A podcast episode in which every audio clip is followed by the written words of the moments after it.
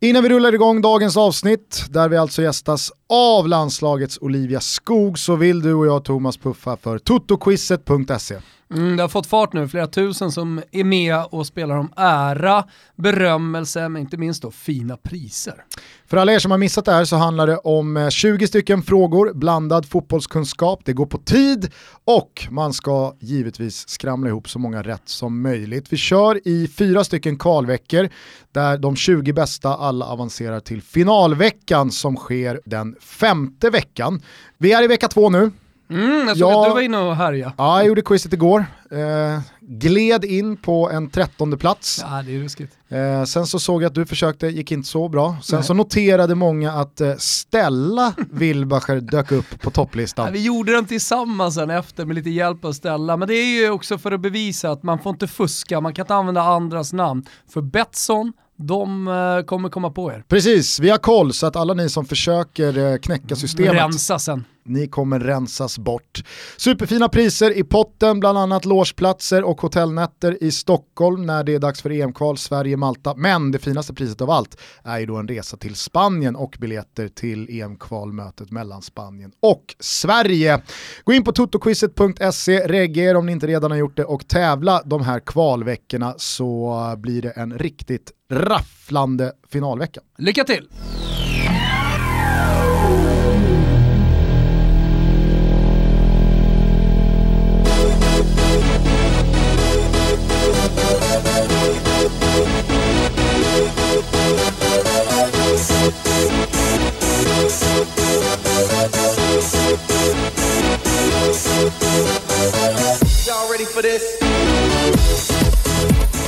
Varmt välkomna säger vi till Toto Balutto. Idag är en glädjens dag i och med att vi har en gäst med oss, inte vilken gäst som helst utan nämligen Olivia Skog. Varmt välkommen till Toto Balutto. Tack så jättemycket denna välkommen, välkommen. fina söndag.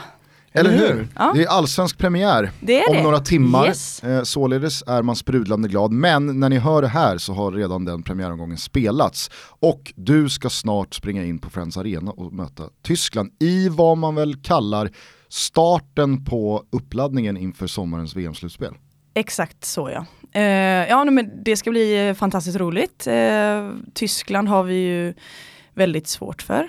Eh, de lyckas typ alltid vinna mot oss så det blir en riktigt häftig match. Vi eh, lyckas ju ändå spela ofta väldigt bra mot dem men de vinner ju alltid efter 90 minuter och det vet vi ju. Mm.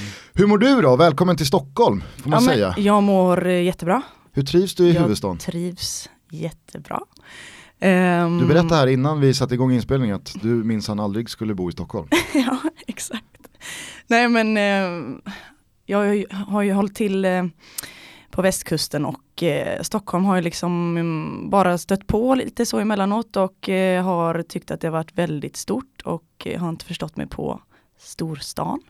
Men helt plötsligt så uh, bor jag här och jag trivs jättebra och det är mycket mindre och skönare här än vad jag trodde. Men det fanns väl lite så här sund rivalitet uh, som det gör mellan öst och västkust i det här landet också? Att så här, jag ska inte bo i Stockholm minsann. Exakt. Var det inte så? jo men lite så. Och jag är ju inte en äkta göteborgare så men eh, jag har ju bott länge i Göteborg och eh, kände väl att det var min stad men eh, nu har jag kommit in i Stockholmslivet och jag trivs. Ja, men sen så misstänker jag också att i din profession så är det ju inte samma förutsättningar som på här sidan där Stockholmsklubbarna är topplag i den högsta serien.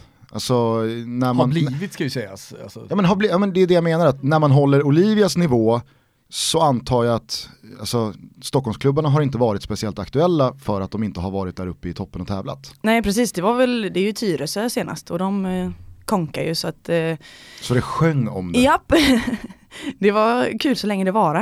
Eh, men eh, nej, Hammarby, AIK, Djurgården eh, var ju länge sedan de var uppe i toppen. Eh, Djurgården var ju liksom riktigt bra lag förr och det är väl någonstans målet nu att eh, ta tillbaka dem dit. Men när anbudet kom från Djurgården, tvekade du eller var det självklart att ta sitt pick och pack och dra?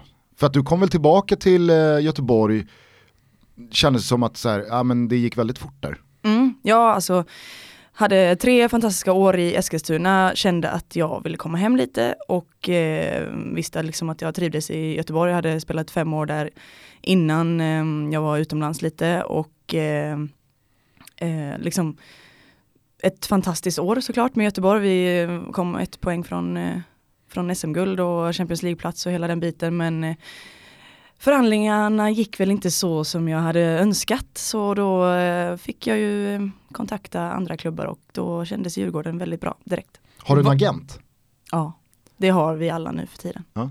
Varf, eh, varför blev det Djurgården till slut? Eh, jag tänker liksom en spelare av din dignitet, landslagsspelare och alltihopa, eh, lär väl ha anbud även utomlands eh, ifrån. Eller så tänker jag i alla fall, du får gärna berätta. Jo men så var det ju och eh, jag kände ju att jag ville stanna i Sverige eh, eftersom VM stundar och eh, kände att det var för stor risk att ge mig ut i Europa igen liksom och inte ens veta om jag får spela eller inte. Så Sverige var prio och Djurgården kändes så pass bra att jag eh, faktiskt inte tvekar så mycket. Men var det, var det om, om, om du väger de olika delarna, var det liksom det sportsliga, ekonomiska, vad var, var det viktigaste? Liksom?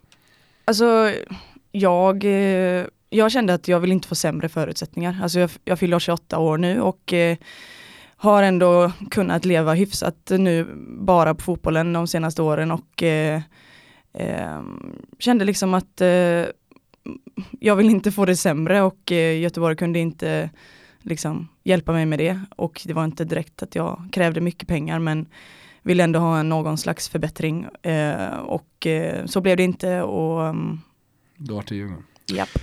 Hur står sig Sverige ekonomiskt jämfört med utlandet? Inte så bra, tror jag. Um, nej men direkt när man kommer utomlands så, så dubblas ju lönen om inte mer. Mm. Så eh, Tyskland, eh, Frankrike, England. England är ju verkligen nu på gång, så det är ju superkul. Men eh, ja, Sverige är inte riktigt eh, på det, den statusen som den hade för några år sedan, eh, vilket är tråkigt, men som vi såklart hoppas att vi kan ändra på snart. Sportsligt då, med dina erfarenheter och jag antar att man eh, pratar en hel del med sina landslagskollegor, hur står sig den svenska ligan jämfört med Frankrike, Tyskland, England? Alltså topplagen i, i alla klubbar är ju bra, eller jag vill säga i serier är mm. ju bra, men, eh, men eh, alltså vår liga i sig kan nog vara är nog snäppet sämre än eh, Tyskland och England skulle jag nog vilja säga. på här sidan pratar man ju om de fem stora, då blir det England, Tyskland, Spanien, Italien, Frankrike. Mm. Och vad skulle du säga liksom, är de stora? Hur många landar man på i så fall? Nej alltså Frankrikes liga är ju egentligen inte bra alls men topplagen är ju fantastiska. Mm. Lyon är ju världens bästa klubblag och Montpellier eh, är ganska bra. Ja exakt och så Bordeaux är bra och Paris såklart. Eh, men så är det ju matcher där då som de kan vinna med 10-0 och det sker ju inte i Sverige. Så på så sätt är ju allsvenskan väldigt rolig mm. eftersom att alla matcher är så extremt jämna. Och, eh, men såklart det sticker ju de klassiska topplagen ut här också. Mm. Men, eh, nej, men tyska, tyska ligan och engelska ligan tror jag nog är snäppet bättre. Men eh, Ja, men man spekulerar lite, man ser ju nu, det är på gång i Europa, mm. eh, egentligen alla storklubbar, alltså klassiska storklubbar på här sidan har ju börjat satsa på eh, damlagen också. Mm. Vi ser Italien har det ju hänt eh, jättemycket, alltså en, ett land som har legat eh, kvar på stenåldern vad det gäller liksom, damfotboll, eh, mm. då, alltså egentligen fram till bara för några år sedan. Mm. När Fiorentina egentligen var ett av de tidiga lagen som började satsa, eh, men sen så kom många lag med. Milan köpte Brescia, eh, Juventus gjorde sin stora satsning, nu är Petronella där. Eh, vi, vi, såg 40 000 på läktarna när eh, Juventus mötte Fiorentina, som på här sidan är ett klassiskt rivalmöte.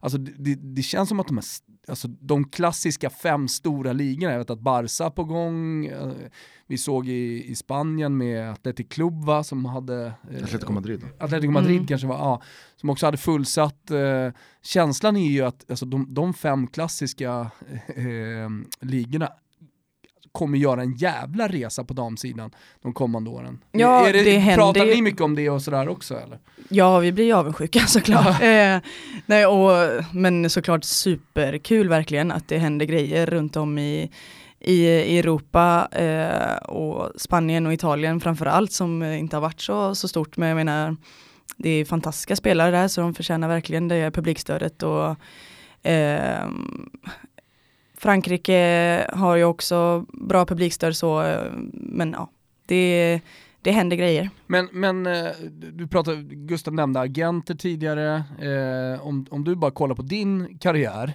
alltså även om du är 28 så är det ändå bara liksom, ja, ett gäng år du har spelat. Upplever du att det har hänt mycket eh, alltså på, i damfotbollen under de här åren som du har varit seniorspelare? Ja, jag tycker det. Um, Alltså just inte, inte rent kvalitetsmässigt kanske, alltså, nej, men, nej. men, men just allting runt omkring. Alltså Europa har ju verkligen eh, växt så. Eh, när jag började spela i Göteborg så var jag 17 och då var vi ju liksom topp två i, i Sverige och spelade Champions League och hela den biten. Så då var ju verkligen allsvenskan the place to be så att mm. säga. Eh, men under åren som har gått så, så känner jag ju ändå att det, det händer grejer ute i Europa och eh, det är väl där någonstans man kanske vill hamna igen. Eh, och jag, jag hoppas och tror ändå att Sverige liksom kan eh, komma tillbaka till där vi var mm. eh, och locka hit oss, eh, hit eh, fler storspelare. Liksom. Nu, men nu är det ändå ganska många svenska landslagsspelare som är på plats hemma så det är jäkligt kul och jag tror att det blir en riktigt bra säsong här hemma också. I ett lag som Djurgården, i en sån trupp, hur många lever på fotbollen? Eh, det är eh, det är nog bara typ jag och eh, Hanna Folkesson. Tror jag. Vi, ja, två, tre stycken kanske. För jag tänker om man ser till det tidsperspektiv som Thomas refererar tillbaka till, ja, men låt säga senaste tio åren när du har mm. varit aktiv eh, senior i, i den svenska toppfotbollen. Blir det fler och fler heltidsavlönade spelare eller har det stannat upp? Hur upplever du det? Jag tror att det har varit ganska samma. Nå, alltså, några sticker ju ut såklart. Eh, alltså jag tror inte, det är ingen i landslaget till exempel som behöver jobba extra och sådär. Så det är, det är bra att man kan bara fokusera på fotbollen där. Eh, men annars tror jag nog att det har varit ganska samma. Snittlönen ligger på typ 10 000 så det är väldigt lågt såklart. Eh, så eh, ja, det finns mycket att göra. Jag menar det är ju inte optimalt att plugga och jobba och spela fotboll på heltid. Så. Nej, jag tänker att det måste vara en jäkla alltså, så här, inre strid med sig själv. Att man vill ju kunna lägga så mycket tid och fokus mm. som möjligt på fotbollen. Men när det då finns en ekonomisk verklighet som jobbar emot den så måste det bli oerhört slitsamt att kunna prioritera i sig själv. Mm, ja, jag vet ju själv, alltså jag började ju min karriär med att, eh, med att jobba också såklart. Och eh, direkt när jag kände att jag kunde släppa det så blev jag ju direkt en bättre fotbollsspelare. Så det är alltså bara att kunna känna att efter en match eh, kunna åka med bussen hem och bara gå hem och lägga sig och känna att nu kan jag sova ut dagen efter. är ju helt underbart att ta och återhämta sig medan då väldigt många andra i allsvenskan då behöver gå upp och jobba. Vi är sponsrade denna vecka av Seat Stockholm. Ah. Härliga Seat. Härliga, härliga, härliga Seat Stockholm. Ni som har lyssnat på Toto Balutto ett tag vet ju att Seat har varit med tidigare och det finns ingen anledning att dra ner på hyllningsorden gällande deras privatleasing. Vill man vara lite extra Toto Balutto, ja då går man in och kikar på en eh, Seat. Det finns ju alla möjliga olika modeller, numera också en ny SUV. Precis, Taracco. Taracco. Och vill man slå till direkt så kan man gå in via seatstockholm.se och boka en provkörning. Ja men det rekommenderar vi verkligen. Ja, för man vill ju eh, givetvis känna på grejerna va, innan man slår till. Seat Stockholm, följ dem även på eh, Instagram, där får man uppdateringar kring nyheter och erbjudanden. Stort tack till eh, Seat Stockholm. Vi är även sponsrade av Pepsi och det börjar bli lite tjatigt Thomas, men det går inte att säga nog. Fan vad god Pepsi Max här. Jag har bara ett budskap Gustav. Jag älskar fan Pepsi. Sen så slår vi även ett slag för våran hashtag TotoPepsi där man kan skicka in en bild på sig själv eller en polare eller en familjemedlem som förtär en Pepsi och man får givetvis vara hur kreativ man vill i då tävlingen där eh, Pepsi då ska välja ut några vinnare. Mm. Där det finaste priset av allt är matchbiljetter och boende i Madrid lagom till Champions League-finalen i början av juni. Men vi kör ju även en signerad matchtröja av Lionel Pepsi och en årsförbrukning av Pepsi Max. Så att, eh, var med och tävla hörni. Jag har en jävla bild på gång Gusten, för jag vill ju åt, eh, om jag nu får välja, så vill jag åt årsförbrukning. Ja, vad tänker du då med den bilden? Eh, Folk har redan hört hur jag liksom håller inne rapar under programmen nu för tiden. Det är inte bara håller inne. Nej, faktiskt. De pyser ur dig. Det är, för att jag, det är för att jag tycker det är så jävla gott med Pepsi. Det är enkelt, jag älskar Pepsi! Var med och tävla i Toto Pepsi. Tack till er för att ni är med och möjliggör Toto Balutto. Ska vi köra en eh, faktaruta? Ja, Jag tycker att vi börjar i den vi, får, ändan. vi får återkomma, jag har så, jag har så många tankar eh, vad det gäller Vi återkommer nog utveckling till och, det och mesta. vidare. Ja. Eh, du kanske har lyssnat på något gästavsnitt någon gång? Patrik Ekwall har jag lyssnat på. Det var Ett tag sämre. Ja, Det var ett Och det tag. har, inte, det har ingenting med oss att göra utan det har med Patrik att göra. Okej. Ja, men då vet du hur det går till. Det är Han hade en- problem att komma på grejer, så jag hoppas att jag... Okej. Ja, men då vet du ungefär vad det är som väntar. Jag hoppas i alla fall du kan lösa första frågan här. Fullständigt namn? Det, den kan jag lösa. Olivia Alma Charlotta Skog. Långt och fint. Japp. Ålder? 28 år. Ser du dig själv som rutinerad och erfaren eller ser du dig fortfarande som lite ung och på väg uppåt? 28 är en lurig ålder. Ja visst är det. Dessutom eh, så här, Är man, off- tillhör, man, tillhör man det gamla gardet eller är man liksom, är fortfarande Alltså jag har ju Lovande. insett faktiskt, förra året tror jag insåg att nu är jag fan gammal. Så, Vad var det som hände då? nej men jag känner ju att jag naturligt tar mer ansvar och vågar, vågar ta ansvar och, eh, och hela den biten liksom. Och, så det har ju inte riktigt funnits i mitt DNA förut. Eh, bara hängt med och är den här unga talangen typ. Men eh, det har jag ju kommit ifrån. Och eh, i Djurgården är det ganska många yngre så att det blir den eh, positionen där också. Men du känner inte att du har pikat fotbollsmässigt? Att så här, Nej, nu är jag på väg jag neråt. inte. Jag hoppas verkligen inte det. Jag Eh, tänker att det måste, alltså så här, även fast man kanske inte skulle säga det utåt så måste ju det vara någonting som även aktiva spelare känner själv att ja, jag har ju varit bättre Mm. än vad jag är nu. Alltså det måste vara en sån jobbig insikt, jag säger inte att du har nått den Nej. punkten, men, ja, men ta, Extremt jobbigt, den vill man ju inte känna. exakt, det måste vara en vidrig känsla att som 30 plus någonting känna att ja, jag vet ju att jag har, jag har varit bättre än så här Ja. och nu är den tiden förbi. Någon gång Jag ska kände någon lite prata så om det. efter eh, första året i Eskilstuna. Då blev det ju verkligen succésäsong. Vi kom ju, de var nykomlingar typ. Och vi bara vann typ hela, ja, vann alla matcher typ. Och eh, vann assistligan och hela den här biten. Och, och ett poäng från SM-guld. Och då kände jag, okej, nu jävlar sätts karriären igång. Men, eh, och sen året efter kände jag bara, okej, ja, vad händer här nu då? Så, eh, men det går ju upp och ner och jag känner ändå att jag är bättre än vad jag då, var då nu. Så att det är bra. Var är hemma för dig? Hemma för mig just nu är Falkenberg. Eh, växte dock inte upp just där. Jag, eh, ni vet Ullared, känner ni till? Typ i närheten där. Så att eh, ute på landet. Jag vet att det är en av dina tidiga klubbar, inte första, andra klubben va? Som är Exakt. IK Ullared. Ja. Mm. Som eh, born and raised därifrån, hur, eh, hur Vad kommer det här nu? nej men så här, omfamnar man hela liksom GKs grejen och den kulten eller spyr man på det? Eh, För jag tänker att det måste vara så oerhört förknippat med det där varuhuset. Ja, Ullared tv-programmet fanns ju inte när jag växte upp så det var ju nog tur för då, nu har det blivit en jäkla hype.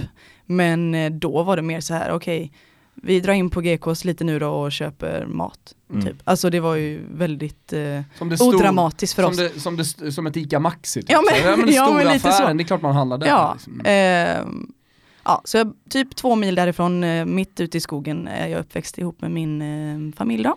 Hur, hur var fotbollen, eh, som, som jag sa, du spelade först i, vad är moderklubben? Torup, Ryde FF. Så ja, och Mm. sen eh, gick du till Ullared. Mm. Eh, var det, eh, det, var, det var inga akademiklubbar så att säga? Nej, det finns ju inte direkt sånt. Så de hur, hur än så länge. hanterade du det? Ni hade i alla fall lag? Ja det hade vi. Ja.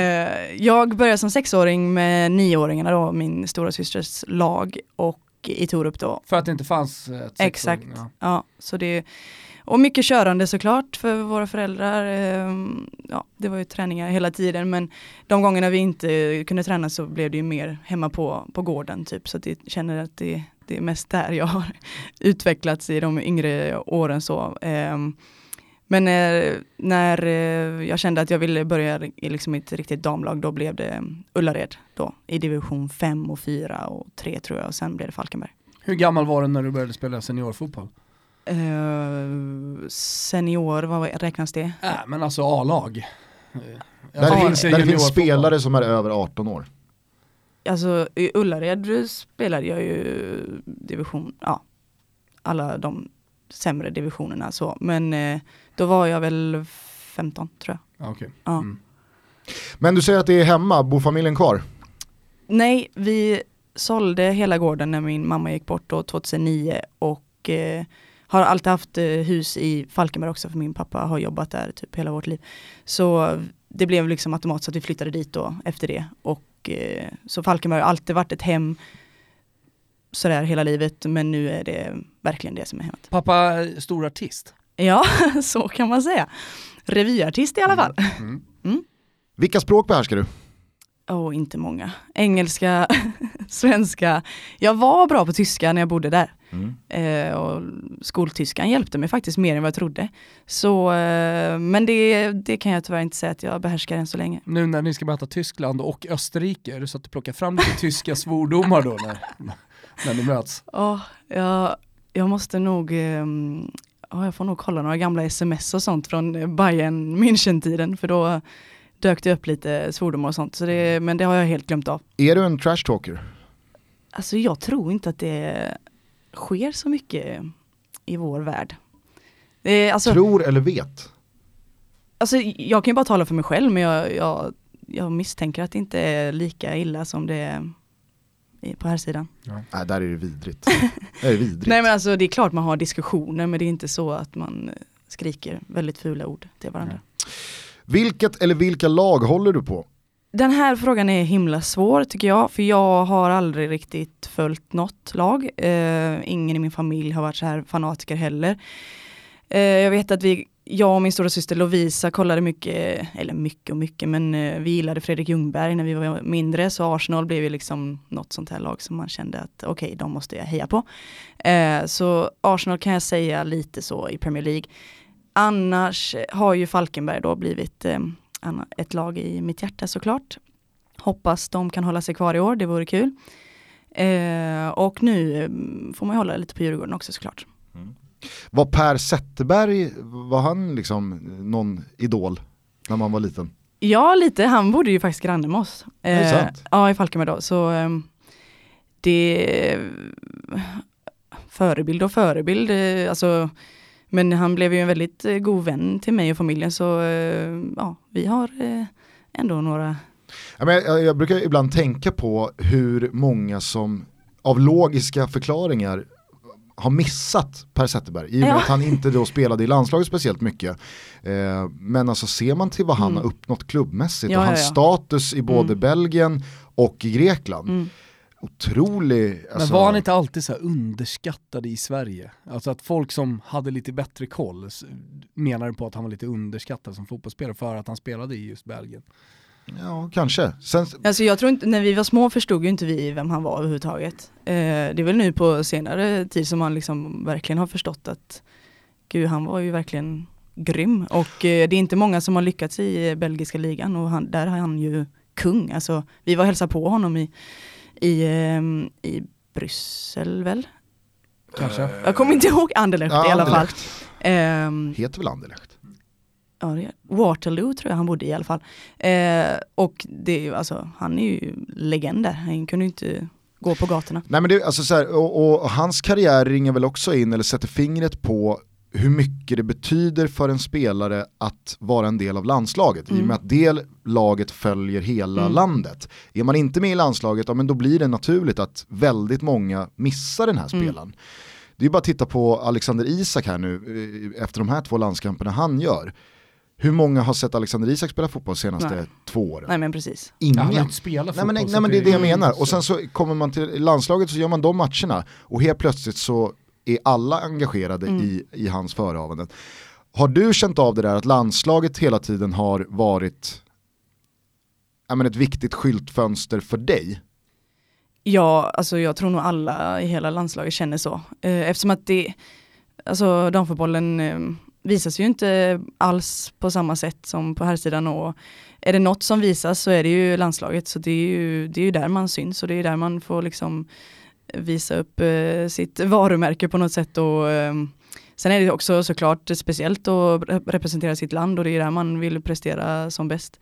Men eh, i, eh, i klubben måste man ju också visa upp sig såklart för att kunna vara med i landslaget eh, men landslaget har alltid betytt eh, extremt mycket för mig och, eh, och såklart eh, också för att eh, synas och, och kanske ta nästa steg. Jag måste bara fråga där, du pratade om Fredrik Ljungberg som eh, en förebild för dig och din syster. Eh, vilka förebilder har du haft eh, inom fotbollen? Ja, jag vet inte om Fredrik var någon jätteförebild så, vi Bra. tyckte nog mest att bara... Ja men så här, rent fotbollsmässigt, alltså, det var ju därför ni gillade honom misstänker jag, för att han lirade bra boll liksom. Ja, var från Sverige. Alltså jag tror att uh, du inte riktigt förstår vad vi vi, alltså det var mer så här, okej okay, han är svensk, han är, ja vi tyckte ju såklart han var lite söt. Eh, och så rött hår stack ut. Eh, mm. Och lite ja, coolt att han spelade i Arsenal. Det var inte så, vi hade inte ens de kanalerna hemma så vi kunde inte se några matcher. Eh, så jag kan inte säga att han var en förebild men eh, jag gillade honom. Mm. Eh, Lotta Schelin är annars såklart min stora förebild. Mm. Finns det något lag som du verkligen inte håller på, som du kanske rent av föraktar? Nu måste du ju svara rätt här som ja, djurgårdare. exakt. Nej men givetvis. Eh... Jag hatar AIK. Ja. Säg det. Resten du av Stockholmslagen. Du spelar ju både Hammarby och AIK i en serie ner. Så. Ja det gör det enkelt. Ja. Um, men ja, jag, får, jag har inte riktigt kommit igång i det där den rivaliteten än, men det, det kommer säkert. Jag men med alla säsonger inte... i åtanke då, som du har spelat, vilket lag eh, avskyr du att möta? Eh, alltså, Piteå är ju inget favoritlag. Åka till Piteå. Vi har ju dem i premiären nu också, så eh, flyg upp dit, spela match, flyg hem. Och det är ju liksom, man måste ju stå på benen där och trycka till dem annars eh, vet man att det inte går vägen. Tuffast tänkbara premiär alltså, mästarna ja, borta. Ja exakt. Eh, favoritspelare genom alla tider? Jag, jag, eh, jag kör nog Lotta där med. Alltså det är hon jag har sett mest i hela mitt liv. Vad, vad hade hon, skulle du säga, som ingen annan hade? Eh, hon gjorde ju mål.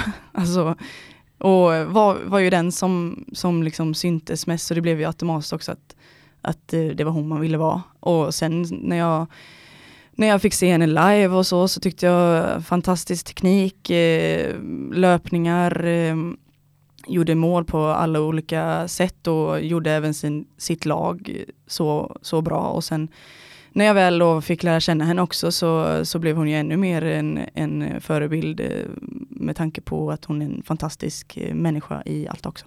Hur är det där när man går från att se upp till någon, följa någon och det är en oerhörd distans mellan en och sen så hux flux så delar man omklädningsrum och spelar i samma lag?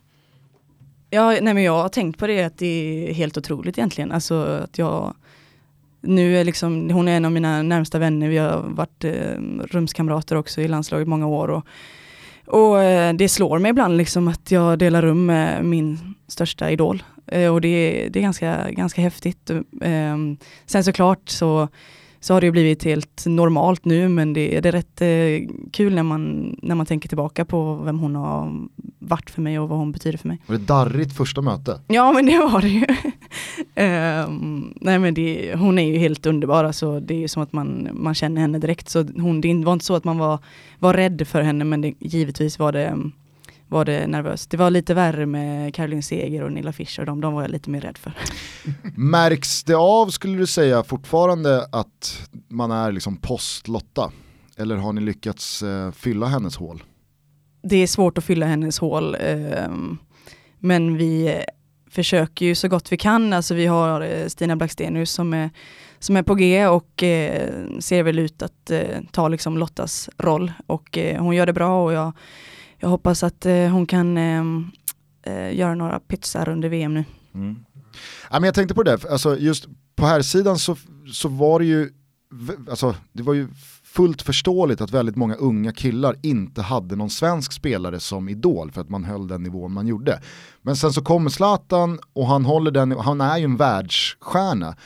och alla då liksom, ja men sen 80-talister, 90-talister framförallt, hade ju verkligen liksom honom på väggarna, om man får ut, uttrycka sig så, när man sen då kommer upp och så delar man landslaget med honom också. Att det måste vara så oerhört svårt att gå från det där liksom, ja men det här är en, en världsstjärna, precis som han hade med Ronaldo som man har Mm. sett i, i blådårar och dokumentärer om Zlatan, att han sitter med Ronaldo på väggarna i sitt pojkrum och några år senare så är det Ronaldo som Mm. vill byta en tröja med klassisk Zlatan. GIF när, när Zlatan kollar på eh, Ja. Ronaldo. Och man ser liksom det, det är kärlek i Ja. ögonen verkligen. Ja. Men, Nej, men just den där, alltså det, det måste vara en sån flummig Ja, det är ju omställning i speciellt. huvudet. Att som Ja. du då, då liksom, ja, men, stå mitt emot Lotta och göra avspark på samma plan, Mm. samma tröja. Mm. Ni, är liksom, ni, ni är jämlikar, fast inte alls jämlika. Nej, exakt. Ja, ja, jag, kan- jag kan inte säga mer än att det, det är otroligt eh, kul och eh, ja, det är verkligen en dröm för mig. Mm. Eh, och jag är superglad att jag fick några år i landslaget ihop med henne. På tal om Zlatan, på tal om Lotta eh, och så vidare, vad är, vad, är din, eh, vad, är, vad är dina tankar om Zlatan och det som var när, när eh, det skulle lottas ut, ut bilar och man skulle få cyklar och alltihopa. Men generellt sett, vad, vad tänker du kring honom och allt som har varit? Eh, han är ju en fantastisk fotbollsspelare givetvis. Eh, sen, eh, ja, vad ska jag säga? Alltså jag tycker att eh, han har ju haft möjlighet att prata väldigt gott om oss och kunnat eh, höja oss så men har valt att eh, inte göra det och eh, valt andra kommentarer som kanske varit lite onödiga Mm. får man ändå säga. Eh, Men har det gjort att man snarare då bygger upp ett förakt? Är du med på vad jag menar? förakt skulle jag inte kalla det men eh, det, är mer, det är mer att jag ser honom som fotbollsspelare. Jag bryr mig inte riktigt om Människan Zlatan står inte högt i kurs. lite så Mm. kan det vara. Men även efter Zlatan så har det ju, ja men in, kanske inte varit någon schism, men man har ju ändå upplevt utifrån att det inte har dragits helt jämnt mellan dam och herrlandslaget. Hur har du eh, upplevt den här tiden med ja men, eh, allt från Nilla Fischer till hur Andreas Granqvist eh, väljer att kommentera saker och ting när man då istället för att bygga broar snarare slår ifrån sig och att man inte vill känna, kännas vid någon skuld och sådär. Eh, hur, hur ser du på den situationen som har blivit mellan dam och herrlandslaget? Allting började väl någonstans då när de här onödiga kommentarerna kom ifrån eh, från Zlatan och så. Och eh, eh, jag tror egentligen inte att eh, vi tycker illa om varandra eller så utan det, det, det, det har blivit fel och folk eh, vet liksom inte riktigt vad de ska svara när de får frågor och sådär. För när vi träffas är det ju helt lugnt alltså. Så det har blivit en grej i, i media tror jag mer än, än vad, vad det är. Mm. Så känner jag. Men jag, jag tror också så här. jag tror Nilla Fischer är jättebra för damfotbollen. Eh, jag tror att det, det är bra att det finns en som, som tar över efter Lotta också för talan. Eh, för att det fortfarande är så stora skillnader mellan här och damfotboll.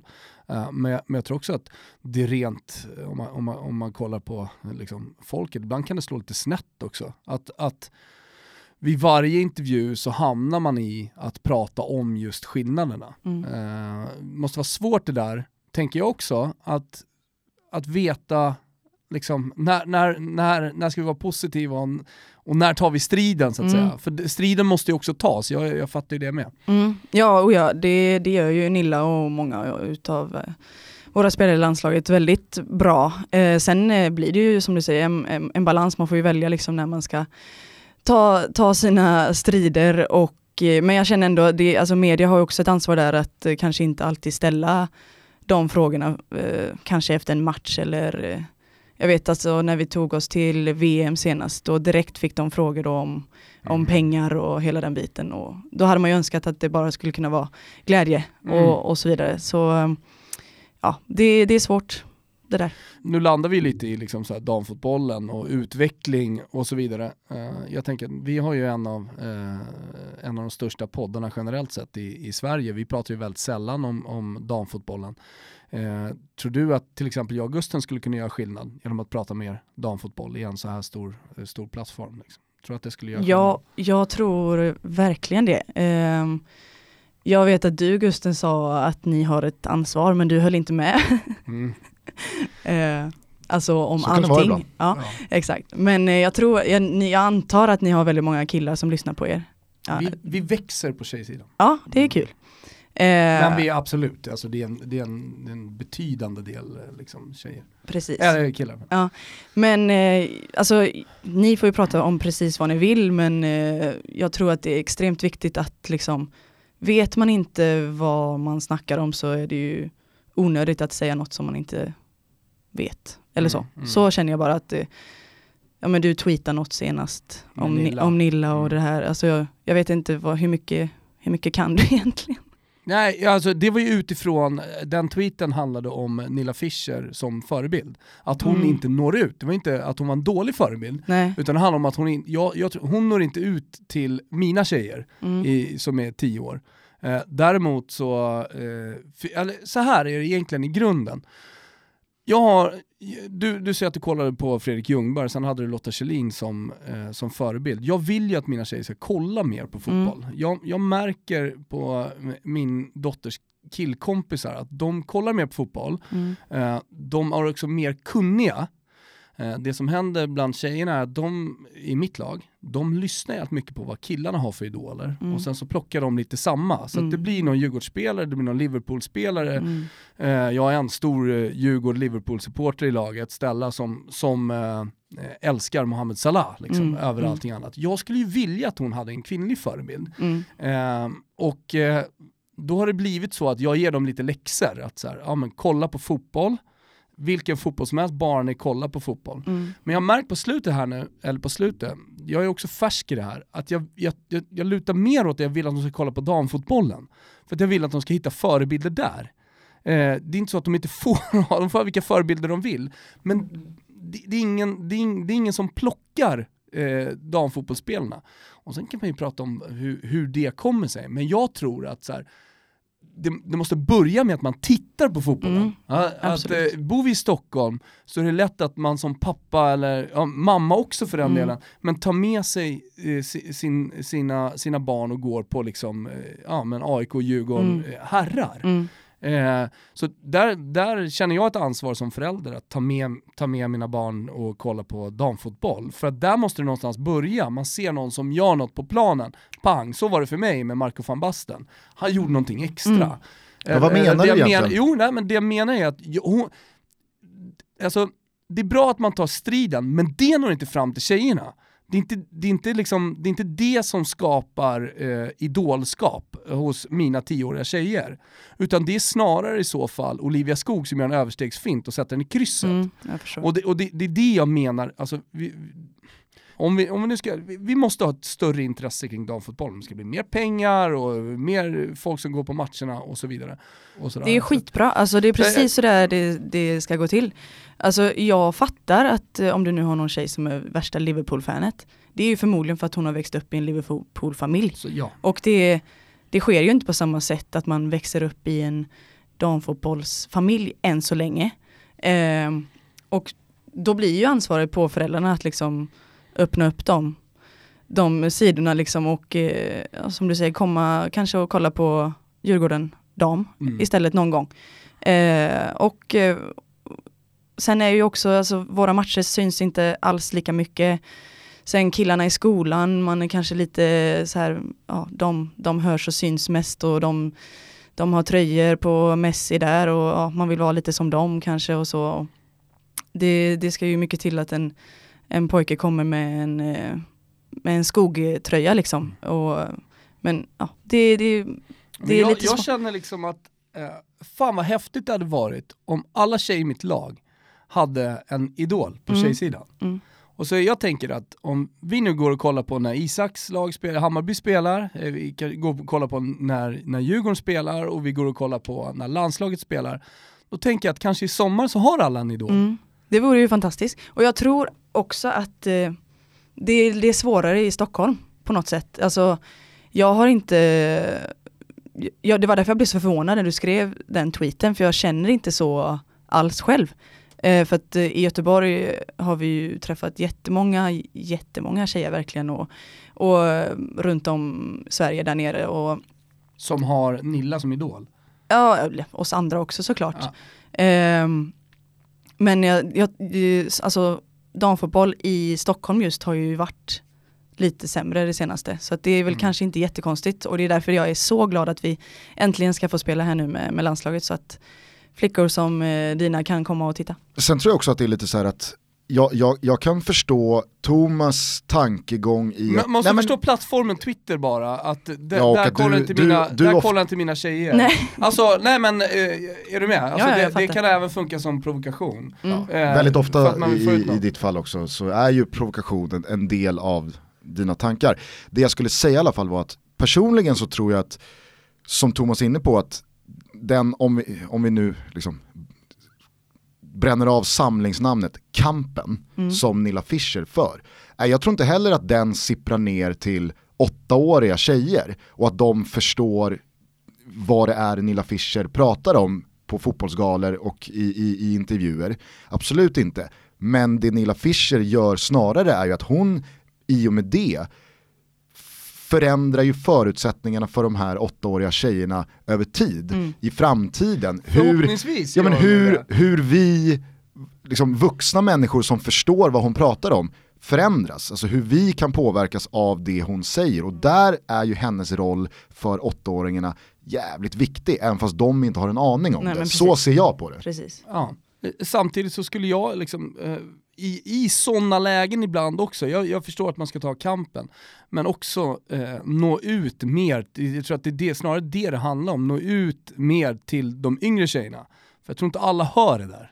Och eh, jag menar så här, kampen kan man ta på många olika ställen. Och den kanske måste tas, jag har inget facit. Eh, det är inte så att jag sitter och, och vet exakt hur man, hur man, ska göra. Det enda jag vet, det är att jag också vill, vill att damfotbollen växer mm. och, och, jag vill ha en mer jämlik fotboll. Mm. Eh, men, men, men framförallt det här idolskapet, jag hakar upp mig lite på att, eh, att eh, jag känner det inte liksom. Fast är, det, inte, det alltså så här, är det inte någonting som håller på att hända just nu? Alltså vi har redan nämnt de här matcherna, utsålda hus i både Italien och Spanien, det kommer ett VM i sommar som jag upplever ja, redan nu är mycket, mycket mer uppsnackat och man pratar om det på ett helt annat sätt än vad jag har upplevt mästerskap tidigare mm. på damsidan.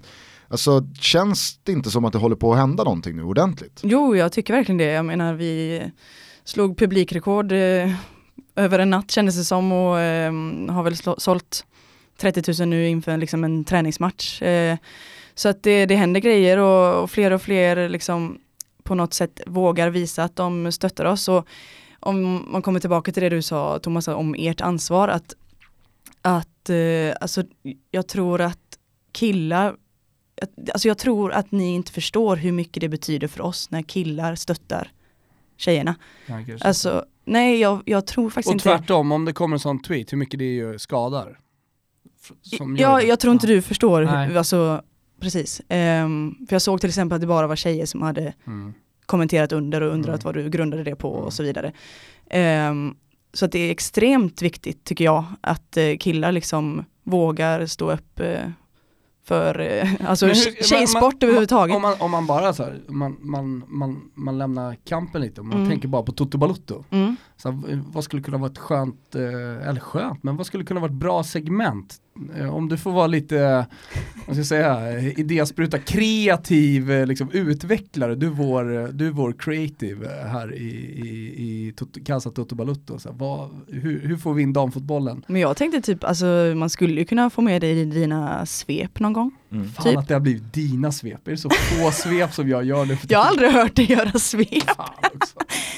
Nej men, men det, typ, det är min idé. Det, det, det är väl enklast så, mm. börja där alltså ta små steg. Mm. Och bara att vi pratar om det nu är ju fantastiskt. Ja, men och, och, och sen så, alltså, för egen del så har ju jag hamnat mycket närmare damfotbollen i och med att min brorsa sen mm. ett knappt år tillbaka tränar mm. Hammarby. Alltså, jag följer ju det laget. Mm.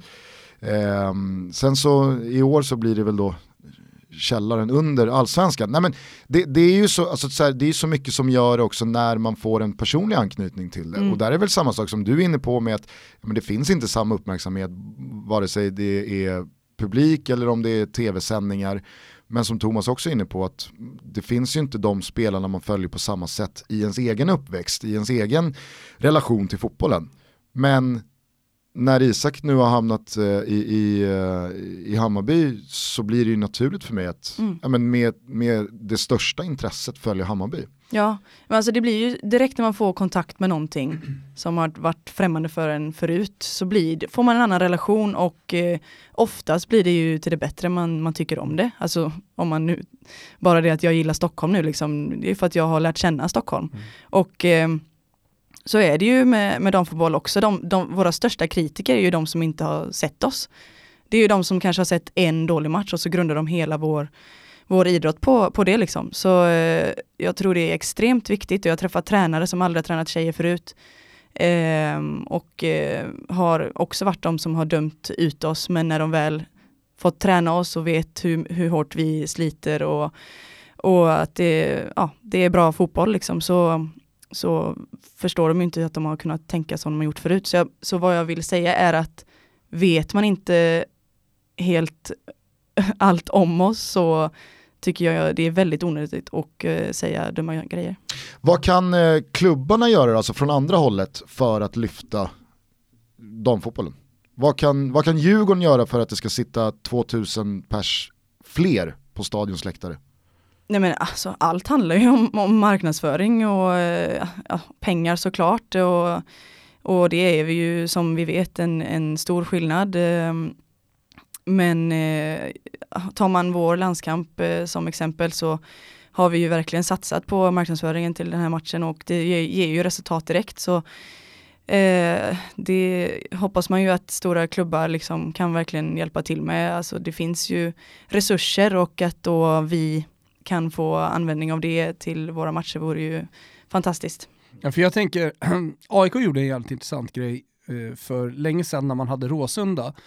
Det var Södra alltid tomt. På 90-talet så gapade Södra alltid tomt. Det var en tragisk syn med hela den där stora södra kortsidan som, som all, eh, inte var en människa på. Sen i början på 2000-talet så började man mer eller mindre ge bort eh, biljetter. Alltså säsongskorten köpte du, alltså ett säsongskort för säg 800 spänn.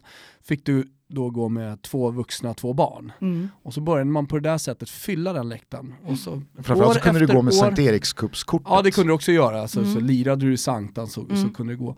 Eh, vilket alla, alla barn har ju det kortet, eh, så att säga. Jag vet inte om Sanktan-kortet finns idag, men, men det finns något liknande i alla fall. Eh, så man kan gå på matcherna. Eh, där tänker jag så här, då föder du ju unga supportrar, och nu Mm. pratar jag inte bara om unga tjejer, alltså så här, där, där måste barn, alltså, och i, fotbollsrörelsen generellt sett i, i, i Stockholm, som har så otroligt mycket tjejer och killar som spelar fotboll, alltså, det, att bjuda in dem till matcherna. Mm. Det som har hänt i AIKs fall här nu, det är ju att de har blivit aik för livet. Mm. Eh, och, sen, och går på matcher för livet. Man börjar uppskatta livefotbollen också. Eh, och, och, ja, men alltså, man börjar i den änden, alltså Mm. försöka bjuda in föreningslivet och de, Mm, mm. de, de yngre. Det tror jag är en, Ja, en väg, det, liksom, det håller jag med om. Och det Eh, görs, alltså jag vet ja. att det görs, man kan göra ännu mer. Ja. Eh, Göteborg till exempel ska ju ha fritt inträde hela, hela säsongen nu. Mm. Eh, Vad står du i den? Eh, Alltså så givetvis eh, är det bra när pengar kommer in men känner ägaren där att eh, han kan bjussa på det så är det ju fantastiskt att man kan gå på gratisfotboll och, och på så sätt förhoppningsvis eh, få fler att eh, öppna upp ögonen för oss. Ja, ta till mig, det, det blir mer damfotboll i uh, Jo men i svepen med framöver. att, eh, alltså, jag menar bara, om man bara kollar på utvecklingen som du sa tidigare här, 40 000 på Juventus Stadium. Mm. Alltså, det, är upp, det är klart vi måste prata om det. Mm. ja, ja. Nu- Grymt Ja. killar! Ja, men i svepet så kommer från och med nu alltid damfotboll. Kanske inte alltid. Inte? Nej. Det är Ja, om okej. något har hänt. Nej men alltså, alltså jag, jag, eh, jag, jag tycker att det viktigaste i utveckling är ju att det är genuint också. Alltså man, man, man, ska inte, man ska inte göra någonting bara för att. Nej, samtidigt så måste man gå den extra milen ibland också. Så att det, det, om, om det är så att det är obligatoriskt, då kommer du också liksom, tvinga dig själv lite. Eh, Och sen så kommer du hitta liksom, ditt lag, eh, dina spelare, det du gillar. Ja. Jag tror det. Det blir en ordentlig ökning i alla fall. Ja. Vi är sponsrade av CDLP, kalsongjätten jätten som eh, har någonting alldeles extra över sig. Jätte, absolut Gusten, men framförallt så är det ju kvaliteten. Alltså bara hålla i ett par CDLP-kalsonger får en att bli glad. Precis, det är ett extremt mjukt material som dessutom är miljövänligt. Och de här kalsongerna har ju tagit världen med storm. Nu säljs de bland annat på Barneys, Mr Porter och eh, NK. Jo men det säger ju en hel del Gusten, alltså vilka butiker de hamnar i, retail så att säga. Eh, det enklaste är dock att gå in på cdlp.com om man lyssnar på det här och beställa hem jarlingar. Precis, för med koden TOTOBALUTTO så får man nu 10% rabatt och du och jag tycker att man eh, ska slå till på ett så kallat 9-pack. Hur många kalsongpar tror du finns i eh, ett sånt pack? ja, nio stycken, men eh, framförallt så byter man ju ut sin kalsonglåda och så får man nya fräscha dessutom då, precis som vi var inne på här, av högsta kvalitet. Exakt, istället för att ha två jarlingar från det märket och ett eh, par från det andra märket ja. så kör man bara CDLP rakt ja. över. Snäpp upp er kalsonglåda, gör det riktigt snyggt med CDLP. Vi säger stort tack till er för att ni är med och möjliggör Toto Balutto. Nu steppar de upp på Strive, Gusten än en gång. Ja. Det är väl värt att tillägga så här års. Ja men eh, måste man faktiskt säga. Eh, många har eftersökt, eh, många frågat bland annat oss och hur det blir med studio kring matcherna. Nu kommer det. Precis, för på fredag, alltså den 5 april, så kommer Studio Strive. 52 minuter uppsnack inför omgången. Det är ju en ligavår i Italien och Spanien som är ruskigt intressant. Eh, Studio Strive kommer ta de här ligorna i mål. Det ska delas ut både titlar och Europaplatser. Lag ska flyttas ner och så finns det ju en hel del goa matcher att snacka upp och snacka ner. Dessutom så är det ju MLS som står i full blom med en Zlatan som är i målform. Det finns ju hur mycket matchbilder att eh, tillgå som helst.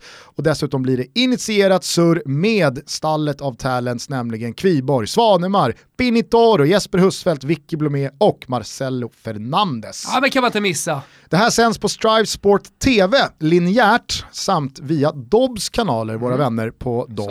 Så, eh, så att eh, var med nu när Studio Strive drar igång. Tack till Strive för att ni är med och möjliggör Toto Balotto och teckna ett abonnemang för guds skull om ni inte har det. Strivesports.com. Tack.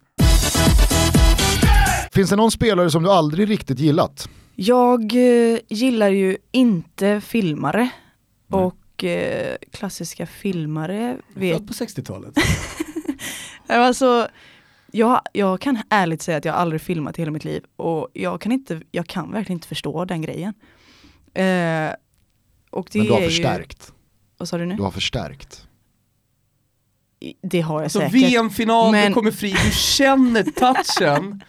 Ramlar du eller Men oftast inte? är det ju en råkapning, alltså oftast är det ju så i så fall. Men eh, eh, jag gillar inte sånt i alla fall. Och eh, då vet vi vilka spelare jag pratar om.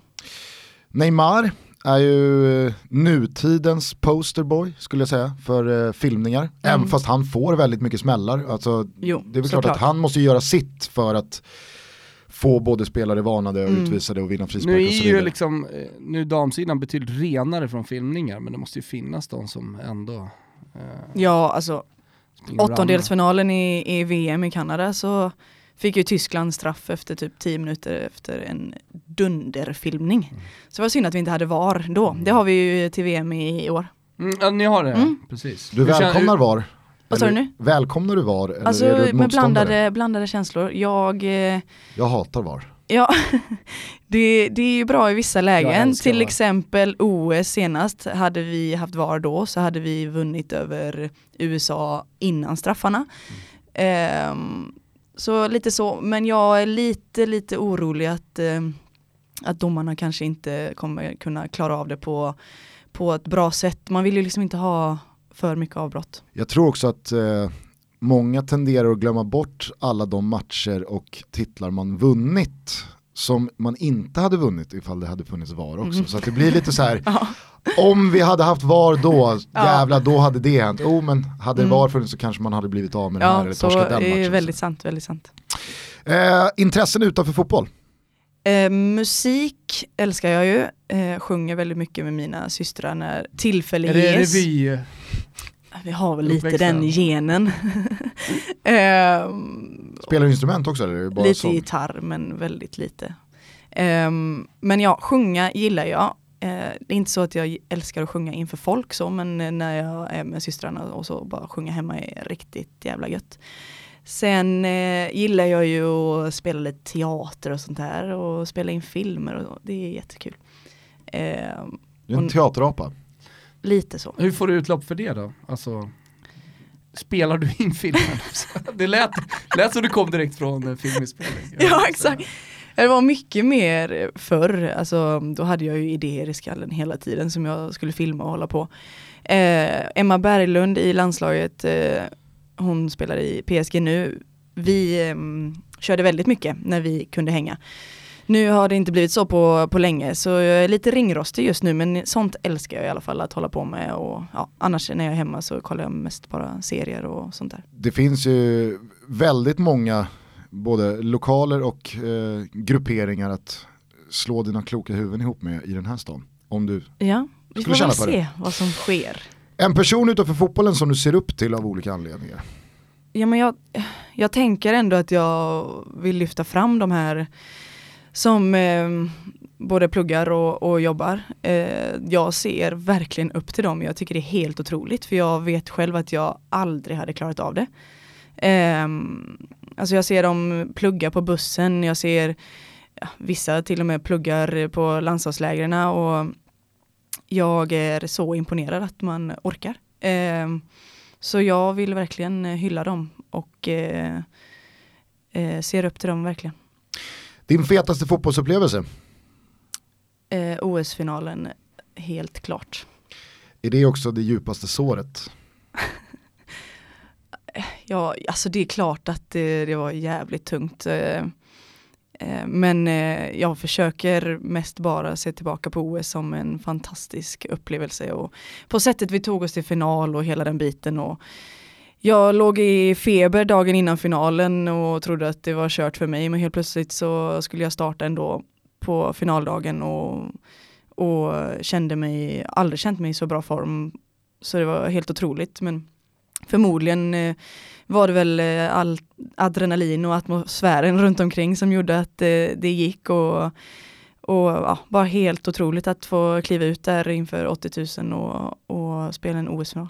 Det är ju speciellt med OS, eh, tänker jag, eftersom eh, alltså, VM, VM, EM, inte för, att, för att ni spelar samtidigt eh, som herrarna, men, men på OS, då är det ju verkligen eh, damlandslaget Mm. som skiner. Mm. Och det märker man ju. Alltså, Sverige stannar ju verkligen upp för era matcher. Det är miljonpublik på tv och som du säger, det är fullt på läktarna Mm. och allting. Ja, OS har blivit väldigt eh, speciellt just för damfotbollen. Jag vet inte egentligen varför det, det inte är så stort på här sidan.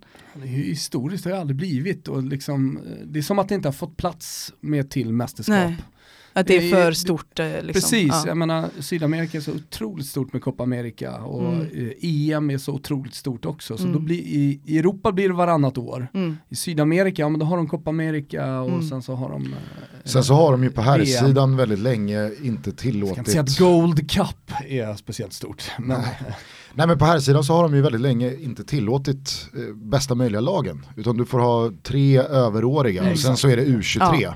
eller U21. det är u landslaget Och då blir det liksom inte, då, då blir det ju inte samma, Nej. Det blir en ungdomsturnering. ja men exakt, det blir ju en känsla av att det här är inte bästa möjliga Mm. lagen. Och då blir det inte lika intressant som när, Nej, Neymar var väl med nu senast eftersom att vi var i Brasilien. Men ja, det blir ju, det är ju liksom småkillar som bodde där på samma hotell som oss. Ja, och, Men eh, rätta mig om jag fel, blir eh, VM i sommar ditt eh, fjärde eller femte mästerskap? eh, nu ska vi räkna här. Rättade de där fel, sen så tog du hängslen och livrem och sköt två. EM 2013 var mitt första, sen var det ju VM i Kanada, sen var det OS i Rio och nu blir det då förhoppningsvis Fjärde.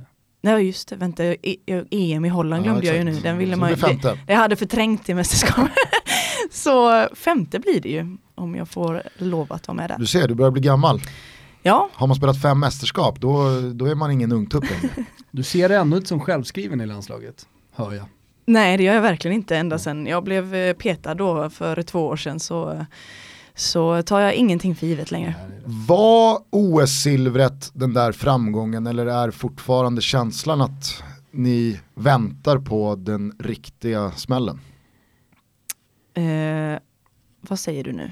Nej men alltså, det har ju sen eh, VM 2003, Ja. när eh, det var VM-final, så, så det känns som att egentligen ända sedan dess Mm.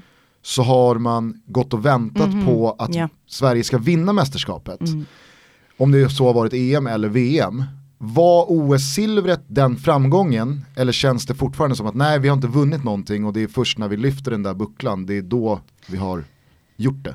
Ehm, givetvis är ju guld eh, ännu större och det är ju något vi vill nå men eh, OS-silver är eh, ganska stort också så jag tror ändå nog att det var var, var det vi nå, många hade väntat på och som vi också såklart hade väntat på. Eh, ja, alltså, på det sättet också som, som vi, vi tog oss till final, vi slog ut eh, hemmanationen efter att förlorat med 5-1 i gruppen eh, och s- slår även ut eh, regerande mästarna i USA också. Så att, eh, det blev ju jäkligt eh, coolt liksom och eh, otrolig prestation faktiskt. Får ändå hylla oss där. Ehm, så eh, ja, jätte, jättestort var det med det silvret. Men eh, nu eh, får vi se vad som sker i framtiden. Så jag tänker också på, vi pratar om klubbfotbollen och att eh, ligorna nu växer i Europa, de stora Mm. ligorna framförallt och de stora lagen framförallt. Eh, känner man samma sak, eh, eller det vet ju att det, det har skett en utveckling även på landslagen, men, men eh, eh, har det redan blivit konkret så att säga att eh, de här Spanien, Italien som historiskt inte har varit jättebra på Mm. damsidan också börjar Oh ja. komma. Frankrike har ju redan liksom ja, ja. Eh, eh, konkurrensen växt. är extremt mycket större nu. Ehm, jag menar vi, England, Brasilien, eh, Japan, USA, Frankrike, Spanien, Italien. Det finns jättemånga som kan gå Det hela, känns som hela vägen. ovisst, eh, om man ska tippa. Ja, jag har ingen aning. Nej. Helt ärligt. Alltså, och så ska vi in där någonstans och, och fightas. eh, Så det blir riktigt tufft. Verkligen. Men eh, får vi ihop det så kan det gå hela vägen. Alltså det, det är en sån oerhörd skillnad på position eh, på dam och herrsidan vad gäller landslagen. Alltså Sverige åker ju inte på herrsidan till ett EM eller VM och tror tänker att det här vinner vi. Nej. Är det, är det med det mindsetet ni går in i VM i sommar att liksom, vi både kan och ska vinna det här? I alla fall att vi kan. Eh, det, det är nog ganska klart att vi vet att vi, vi kan.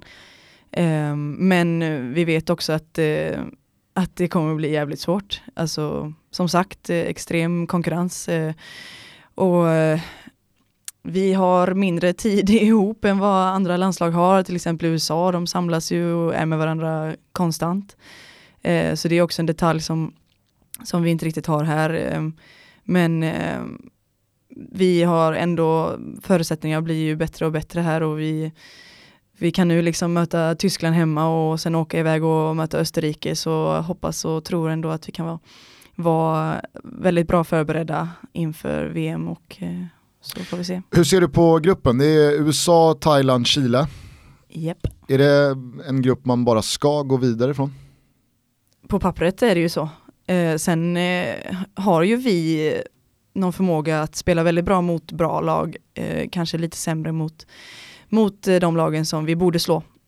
Och Thailand och Chile är ju två lag vi borde slå. Eh, vi mötte Portugal nu i Algarve Cup eh, då det var eh, Hollywood Stars allihop och domaren var, var eh, kanske inte riktigt eh, den bästa och fått höra att hon ska döma VM också så det blir ju härligt. Ehm, då hörde vi i alla fall att Chile är lite så som Portugal. Så, och vi förlorade mot Portugal då så kan jag ju säga också. Så att, eh, vi får verkligen eh, lära oss av den matchen och, eh, och eh, se om vi kan eh, hantera lag som Chile och kanske då Thailand på annat sätt. Hur eh, ser du på Peter Gerhardsson? Vad har eh, förbundskaptensskiftet från många år med Pia Sundhage till Peter Gerhardsson inneburit både för laget och för dig skulle du säga? Men till en början var det ju inte så smickrande. Ehm, första, Vad menar du då? Nej men för att jag blev petad. Mm. Ehm, varit med i landslaget eh, konstant egentligen i, i många år och så helt plötsligt när han tog över så, så blev det inte så längre. Eh, som tur var så, så tog jag åt mig liksom eh, i det han sa och försökte liksom verkligen att, eh, att komma tillbaka så snabbt som möjligt och jag gjorde det redan efter två läger så, så det var ju skönt att eh, kunna komma tillbaka och eh, när jag när jag då fick eh, uppleva mitt första läger ihop med, med honom och den eh, ledarstaben så kände jag att eh, jäklar det här kan bli riktigt bra. Jag tycker de är skitbra. Från, eh, från alla hans eh, säsonger med kanske framförallt då BK Häcken så var ju alltid bilden av Peter Gerhardsson att det är öppna spjäll. De här matcherna eh, kan sluta med torsk 5-3 eller så vinner man med 6-2. Alltså det det är i alla fall, det blir inte 0-0 när Peter Gerhardsson håller i, i spakarna. Är, mm. är det din bild av honom också eller har han fått ett oförtjänt så här, det blir vad det blir rykte och att det är bara att tuta och köra? Alltså, är han en taktiker? Eh, det är han ju, men jag tycker att han lägger väldigt stort fokus i vårt försvarsspel så vi släpper in väldigt lite mål. Um, så um, tuta och kör är det ju inte direkt tycker jag. Um, men eh, jag tycker ändå vårt anfallsspel liksom har blivit eh, bättre på så sätt att vi eh, är inte lika förutsägbara längre. Nu kan vi anfalla på många olika sätt. Eh. Jag kommer ihåg eh, Niklas Jarelind, vill jag minnas var det, sa en gång att Peter Gerhardsson då ska ha hävdat att jag spelar hellre 3-3 än vinner med 1-0. Och det är liksom det sjukaste någon någonsin sagt. Men, han, är, eh, han är speciell och väldigt eh, rolig. Hur, eh, hur var relationen till Pia Sundhagen? Eh, den var bra, jag hade en bra relation med henne under under alla mina år egentligen och hon var ju den som tog in mig i landslaget så eh, fantastisk eh, fantastiskt att jag fick liksom komma med och eh, fick uppleva många härliga mästerskap med henne. Sen är ju hon och Peter väldigt olika ledarskapsmässigt så. Um, både i fotbollen och eh, vid sidan om. Mm. Men uh, jag gillar båda två. Tror du Pia Sundhage har gjort sitt på den yttersta nivån som tränare eller ser du henne? Det skulle förvåna mig om hon har gjort sitt. Nu, nu har hon ju, är det F15 eller något sånt, jag tror det och de ska spela mästerskap nu uh, nästa år tror jag. Det i Sverige så det blir ju kul. Men sen tror jag hon kommer vilja komma upp i, på seniornivå igen. Vad skulle du säga är hennes främsta egenskap som, som tränare?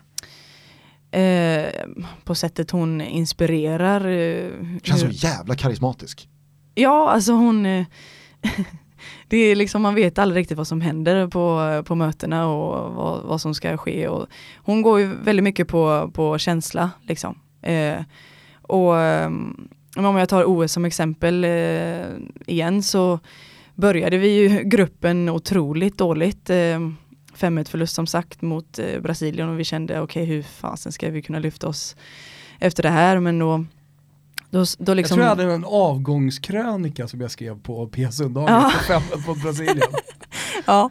ja men det var liksom, det, det var lite den nivån, mm. fan inte Pia, nu, är det nog dags va? Det ja. går inte. Nej, men hon, då har hon egentligen inte, innan detta har hon egentligen inte varit den här som um, har haft så mycket så här personlig kontakt med, med spelarna så men, men då helt plötsligt så blev det individuella samtal typ med alla och uh, man fick säga sitt och lufta och på något sätt uh, fick hon ihop det bra och uh, helt plötsligt kunde vi bara vända på allting och gå hela vägen till final. Det var ju länge snack om att Pia Sundhage skulle bli den första kvinnan att träna ett herrlag på elitnivå. Se, det blev ju aldrig så, vi får väl se om Sundhage kanske rider in i allsvenskan eller superettan vad det lider. Men Head coach ska sägas. Ser, ja, exakt. Ser du det hända inom en överskådlig framtid? Jag tror absolut hon skulle klara In, av det. Inte Pia specifikt utan att en kvinna tar eh, ja, det... huvudtränarrollen i ett herrlag. Eh, ja, på elitnivå. Det, det tror jag det är fler och fler som går den här utbildningen och eh, vi har Johanna, Johanna Almgren i Östersund som assisterande nu och eh, så det, det händer grejer men eh, det gäller ju att, ehm, att eh, respekten liksom finns där annars eh, blir det svårt. Vad har du själv eh, föredragit genom åren? En kvinnlig eller manlig tränare? Eh, har egentligen inte spelat så stor roll. Jag har haft mest killar dock. Eh, I allsvenskan är väl, eh, det, jag tror det bara är en eh, damtränare då i damallsvenskan. Så det är, det är väldigt eh, stor majoritet på killar där också. Eh, men eh, jag har egentligen inte lagt någon stor vikt i det och spelar faktiskt ingen roll för mig alls. Nej. Nej men det är som du säger, alltså, det, det, det kommer ju nu fler och fler, vet jag också, mm. eh, tjejer som utbildar sig, alltså som går stegen mm. och, och tar sig hela vägen. Mm. Och, det, är väl en, det är väl rimligt att det har sett ut som det har gjort med mm. tanke på att det är fler män, betydligt fler män som har, som har tränat. Men mm. det viktiga är ju som, som, eh, som du var inne på också, att det nu kommer fler eh, mm. tjejer som, som ja, faktiskt går de här stegen. Potential finns det ju så många och det, det gäller ju att liksom de ska få möjligheten att, att komma dit också för jag vet att det finns väldigt många bra där ute som, som gärna skulle vilja ha det ansvaret men det, det är svårt att men slå sig in. Kolla på en, eh, på tal om karisma och, och ledarskap, så här, kolla på en, en eh, så stor eh, förebild som Lotta Schelin har varit för, för många. Mm. Och, eh, den statusen hon ändå hade inom fotbollen eh, un, under sin karriär, skulle inte hon kunna bli en, en, liksom, också en stor coach? Säkert, hon är superduktig på det. Eh, just nu försöker hon ju fortfarande bli frisk ifrån sina nacke och huvudbesvär. Så, men eh, varför inte? I framtiden kanske vi ser henne som coach. Tror du att du är ett tränare? Jag har aldrig sett mig som en tränare. Alltså verkligen inte. Men eh, ju äldre jag blir, nu kommer vi tillbaka till det, så känner jag ju att jag typ vill. Men eh, assisterande i så fall. Det är gött att vara assisterande. Bara... det är lite fegt. Ja visst. Man behöver inte ta smällen. Man kan hänga där lite i bakgrunden. Och... Vet du vad, du får jättegärna följa med till Djursholm och vara min assisterande. Idag? Här direkt efter. ja. Jag behöver lite. Djursholm, där har jag aldrig varit. Det är tufft alltså. Det är tufft. Har du sett på, på några matcher på länge på, på ungdomssidan? Alltså det blir ju lätt så när man när man är i det, kolla mm. på Gusten, det är inte mm. så att han går ner och, och liksom på Spånga IP och kollar på tioåringar som spelar fotboll. Jag, alltså jag, jag har inte sett barn spela fotboll på Nej men jag hade inte heller gjort det förrän, förrän, förrän jag kan säga, jag, har inte sett, träna. Jag har inte sett fotbollsmatcher live på, jag, ja, det är faktiskt i Ryssland på riktigt, då började jag kolla på fotboll första gången i mitt liv. För att det inte fanns något annat att göra? Exakt! ja, mitt liv var ju allmänt eh, piss. Nej men eh, då började jag titta på fotboll och eh, med, alltså då via streaming-sajter och sådär. Um, så fotboll live eh, ja, borde jag ju börja med. Det jag känner, ja, precis som jag är inne på, jag har inte heller sett uh, ungdomsfotboll på, på väldigt, uh, på, uh, jättelänge. Alltså, sen jag själv spelade egentligen, tills jag började träna. Och jag kan säga att det är det jag uppskattar mest nu. Om jag får välja mellan en allsvensk match eller uh, vara med mina mm. tjejer och, och spela mm. fotboll så väljer jag alla gånger att, uh, att köra med något. Det, ja. det finns något äkta i, i, i Hur ofta stöter du på föräldrarproblemet? Väldigt sällan. Okej, okay, skönt. Sällan. Ja, jag tror att jag tror man kommer bort ganska mycket från det när man har tagit bort resultat och, ja, och sådär. Och så du gillar så, det? Ja, jag gillar mm. det jättemycket. Och sen, mm. Men sen så vet jag va? också att, va? Du är väl ganska kritisk till att man har tagit bort Nej, resultaträkning? Na, Eller har du svängt där? Nu ska, jag vet inte om vi ska gå in på just den debatten. jag tror att det är sankten så tror jag att det är bra. Eh, men där, däremot, det var bara oväntat att höra att du Ja, men däremot kupper och sånt där. Jo, och sen så, sen så, om man ska faktiskt säga det, det är som nu, vi spelade kupp i, igår och eh, de är indelade i lätt, medel, svår nu för tiden i Sverige. Mm.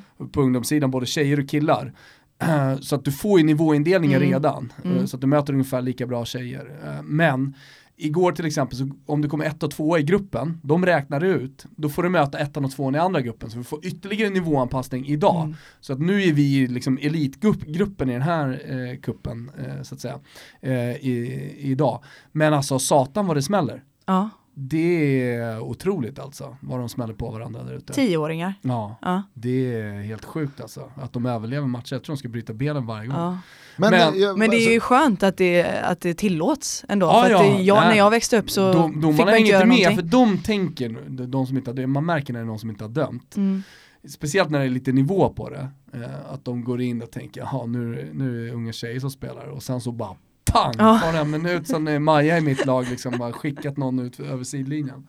Eh, vi, vilket, eh, ja, det finns en, det finns en jävla attityd där alltså. Ja det är underbart för är att, för att eh, det kan jag ju se fortfarande på vår Mm. nivå att, att vissa domare inte tillåter lika mycket för oss som för herrar. Ja, men det jag skulle säga bara, det här med, med resultat eller med föräldrar, det jag skulle koppla, det är Mm. att när re- resultaten, om man tar bort det från Sankta-matcherna, då har man faktiskt blivit av med väldigt Mm. många föräldrar som står och, och gnäller. Sen är det större på pojksidan. Så vi kollade på lite matcher igår när, när ja, BP mötte nå, något lag. Det är, det är jävligt många experter som står där och, och Mm. det är jävligt mycket också coacha sitt eget barn, det är jag så trött på. Ja. Alltså föräldrar som står och coachar sin egen barn. Och det, alltså coachingen, det är ju ingen 5 plus coaching. Det är liksom, hela vägen nu då Jocke! Bara, käften för fan, vadå hela vägen? Han ska inte hela vägen, han ska vända upp och spela hem Ja. bollen. Han ska Ja. inte hela vägen. Du vet, nej, folk är så dö- Men det är samma, du går på, går på en allsvensk fotbollsmatch. Skit! Mm. Eh, Du vet, folk är ju generellt inte så sett konkret. usla på fotboll liksom. Det är ju så.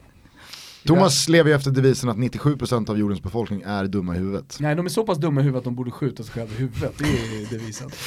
Vem från fotbollsvärlden hade du helst velat dela en flaska vin med? Ehm, Sydney Leroux, vet du vem det är? Berätta för de Icke. som inte vet om inte annat. Hon eh, har spelat i amerikanska landslaget. Ehm, har fått barn nu och ska få sitt andra och är fantastiskt rolig via sociala medier. Jag känner inte henne alls. Så eh, jag tror fan jag väljer henne. Jag tror vi hade kunnat ha riktigt kul. En skön lirare som man ska följa på sociala medier. Säg hennes namn igen så att vi... Sydney Leroux. Är du tatuerad? Nej, jag är ju natural beauty. Bra svar. Vi, det är också en eh, tråkigt för Caroline Seger, men vi kom ju fram till att vi alla skulle tatuera in Caroline Segers namn. Den Hela landslaget, det var hon som kom på det. Nej, men koordinaterna för eh, Maracana, alltså OS-finalarenan. Och den enda som gjorde det var hon. Så eh, Hon fick inte igenom det riktigt. nej, men vi alla var ju överens, ni vet när man är på Ah, hypad och i duschen därefter silvret och hela den biten. Men eh, Alla Nej. banga utom Caroline. ingen annan, det är jättesorgligt. det är för dåligt. och jag bangar ju mest för att jag är rädd. Typ. Ja. Jag tror du, jag passar. Olen hade ju bästa taken på det som otatuerad när, han- när han var här. Han sa jag vill inte ha massa jävla bly i kroppen. Ja, Alltså det, så det, kan man tänka. Men Ja. jag tror framförallt bara att jag inte hade passat i det. Jag är ingen tatuerare. Ah. Ser ni det på mig? Nej, alltså jag kan ändå se tatueringar alltså. Du, har Du kan ju, det? Nu ser inte folk det men alltså det, Man det behöver ju inte gå från 0 till 100 Fotbollsstjärnelook heller. här. Alltså en tatuering behöver ju inte innebära att man kör två sleeves och har Nej, det är sant. tatuerad hals. ja, Men, vi får eh, se vad som sker. Mm, du Mm. kanske får eh, hedra Caroline Seger och göra de där Ja. Kanske koordinaterna. blir nya Frankrike-koordinater i sommar. Så, oh, Hade ju varit något. målet. Snyggaste fotbollströjan genom tiderna? Vem har koll på sånt ens? Har ni koll på sånt? Leo Jägerskiöld Nilsson, han har ju tydligt svar på det. Nej, jag, jag, är jag väl klart att- personligen är inte så jättemycket matchtröjor, jag bryr mig inte Nej speciellt. men man behöver ju inte ha hela utbudet Nej. klart för sig men man har ju många gånger en favorit. Alltså liksom, jag, jag älskar ju Sveriges bortaställ. Typ alltid tycker jag det är skitsnyggt med det mörkblå, för mörkblå Ja. är min eh, favoritfärg. Så Gillar du årets? Alltså, jag har inte sett eh, damernas Nej, jag är lite, jag måste säga, jag har sett er nya tröja. Aha. Förstår inte riktigt det här Alltså, svarta, den gula? kla- exakt, det svarta kladdet på den gula. Det är, nej, den, Det, är det svart? ja, eller mörkblått då. Det, Ja. är, det, är inte, det är inte klarblått. Alltså det är så på sidorna lite så. Precis. Ja. Det nej, jag tycker ni har haft snyggare tröjor. Ja, men fast som Men jag alltid jävla vad coolt det var eh, med eh, siffrorna. Ja. Exakt, till eh, Mm. internationella kvinnodagen där, Yes, släpptes och det ska vi ju spela med nu mot Tyskland. Ja. Med dem. Så det den, den har är ju ni, snyggast har ni fått vara med och bestämma vilka det är i siffrorna? Ja, vi var med och beställ, bestämde i alla fall några. V- vad bidrog du med? Eh, Mia Skäringer. Ja. Yes. Ah, mycket snyggt, men de där mörkblåa svarta detaljerna Men, på sidan. men, men samtidigt är det så här, mm, innan man ser tröjan på tycker inte jag man kan rikt- riktigt uttala sig. När man ser den på bild så vet man inte riktigt. Sen när den kommer på en tröja, Man har hela kittet. blir, ja, hela Ja. kittet och passformen och Mm. alltihopa, det, det är först då man, man, man ser helheten. Jag vet i alla fall vilken tröja du inte kan svara på den här frågan. Det är ju Falkenbergs. Fy fan. Gult och vitt är ju kanske inte de snyggaste Nej men och färgerna. tyvärr, alltså ty- tyvärr, cashen ska ju in. Men det spelar ju ingen roll vad Falkenberg har för färg i grunden. Det är ju bara reklam på deras tröjor. Ja, Det är inte mycket gult och det är inte mycket Nej. vitt utan det är bara blaffer från alla möjliga småföretagare runt om i, Mm. i omnejden. Eh, en match som du skulle vilja se som du ännu inte sett. eh, och, När du började kolla på fotboll där i Ryssland som du berättade, Ja. vad började du? Alltså för det första började jag följa Fotbollskanalen. Eh, så läste mycket där och så. Eh, och där kunde man även se massa klipp, highlights och sånt från matcherna. Eh, så det var ju mer allsvenskan då. Eh, något jag vill se, vad vill jag se egentligen? Jag har ju, jag har sett Champions League live när jag spelade i Bayern München. Ehm, alltså det här kommer ju aldrig kunna ske men eh, kunna se mig själv spela en landskamp hade ju varit häftigt. Ja, Sitta på läktaren och se sig själv spela. coolt svar. Ut- Ja, fan vad gött det hade varit. Bara, Skri, skrika hela vägen, ja exakt. hela vägen Man får ju hoppas att man gör en bra match bara då men eh, ja, annars kommer jag inte på något. Sista frågan på faktarutan, om du inte får svara Messi eller Ronaldo, vem tycker du är världens bästa fotbollsspelare? jag sa ju innan att jag inte gillar filmare, så eh, säger jag ju emot mig själv när jag nämner Mbappé då, tänker jag. För att han, jag har sett ändå att han börjat eh, slänga sig lite väl enkelt emellanåt. Men han är ju magisk. Du har tentaklerna ute för filmare. Ah, nu börjar Mbappé lägga sig lite för lätt här. Ja, nej, jag klarar Vem är det. bäst i världen på damsidan? Ehm, hmm. Jag, Les Sommer som spelar forward i Lyon tycker jag är fantastisk. Frankrike spelar hon i. Mm. Vem är bäst i Sverige? Vågar du svara dig själv? Jag tycker inte att jag är bäst. Tycker du inte? Nej. det är väl i och för sig sunt att vara var, var nykter i, i uh, sådana liksom, topplistor hos sig själv också. Men Ja. det hade ju varit, alltså så här, vissa tror ju att man är bäst i världen. Ja. Alltså vissa tycker ju det. Det, och det kan vara bra ibland. Men ehm, det, så känner jag inte om mig själv. Ehm, den jag tycker är bäst och viktigast eh, är nog ändå mm, Caroline Seger, vår kapten. Hon, hon gör så mycket för laget. Och ehm, både med sina passningar, spelbarhet och hela den biten, men också hennes ledarskap som är outstanding. Jävla segt virke i henne också. För Mm. att jag minns Algarve var jag nere och jobbade med 2015, så det är fyra år sedan. Och då var det liksom så här, nej nu börjar det nog ta slut för Caroline Seger. Alltså man ser hur det här landslaget kommer behöva växa ifrån henne. Det var hon och Lotta Schelin och Nilla Fischer var en så här rutinerad ryggrad. Fyra år senare så känns hon ja, men, Mm. precis lika given som alltid. Ja, alltså det, det har varit väldigt svårt att, att konkurrera ut eh, hennes position och eh, ja, med all rätt, hon har liksom hållit eh, så hög nivå nu i väldigt många år. Eh, och eh, såklart att eh, vi alla har eh, sämre delar av karriären men jag tycker att hon eh, fortfarande håller en eh, enormt hög nivå. Om man kollar på de yngre förmågorna, eh, på säga, men eh, eh, yngre spelare, finns det någon man ska hålla ett extra koll, eller ett extra öga på eh, framöver? Eh, landslaget då tänker du? Ja, eller, alltså svensk eh, ung spelare som man, man Jag man tycker, lite alltså. Hon har varit med i landslaget, hon skadade sig lite nu under förra säsongen, eh, men Loreta Kulashi i Eskilstuna United spelar hon i nu då. Eh, fantastisk forward, eh, teknisk, eh, målfarlig. Eh, hon eh, gjorde sin debut i Sydafrika förra året, gjorde två mål direkt. Så hon skulle jag nog ändå lyfta fram och tror att hon kommer komma tillbaka till landslaget snart. Har du någon koll på Nicole Odelberg Modin?